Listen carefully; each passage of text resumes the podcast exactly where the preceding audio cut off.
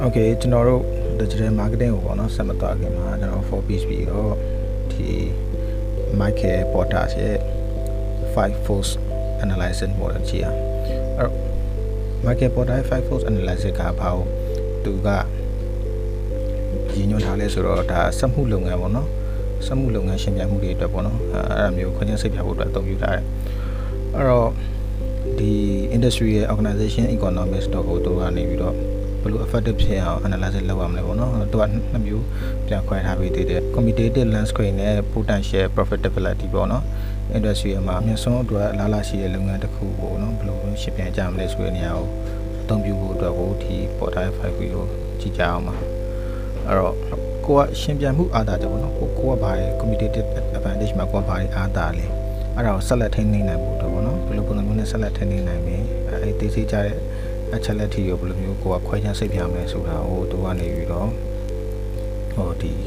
5 foot ပေါ့နော်အဲ့ချက်လေးကိုသူကလုပ်ပြထားတယ်အဲ့တော့5 foot မှာကြည့်မယ်ဆိုရင်ကျွန်တော်ကနှစ်ပိုင်းပြန်ခွဲတယ် horizontal computation နဲ့ vertical computation ဆိုပြီးနှစ်ပိုင်းခွဲတယ်ပေါ့နော်အဲ့တော့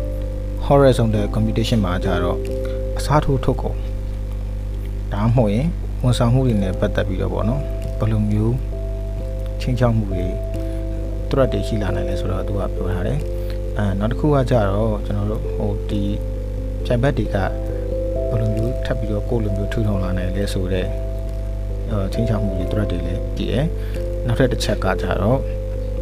အသက်ဝင်အောင်လာမဲ့လူတွေပေါ့နော်အဲသူသူသူတို့ရဲ့ threat ပေါ့နော်ချင်းချောက်မှုတွေဘယ်လိုရှိလဲဆိုတာကို analysis လုပ်ခိုင်းတယ် vertical မှာကြတော့ကျွန်တော်တို့ supplier တွေပေါ့နော်ကိုကိုနဲ့ထိတ်ဆက်ပြီးလုပ်မဲ့ supplier တွေရဲ့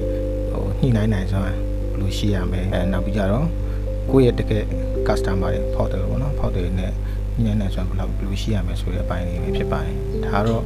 porter ရဲ့5 4 analysis ပဲဖြစ်ပါတယ်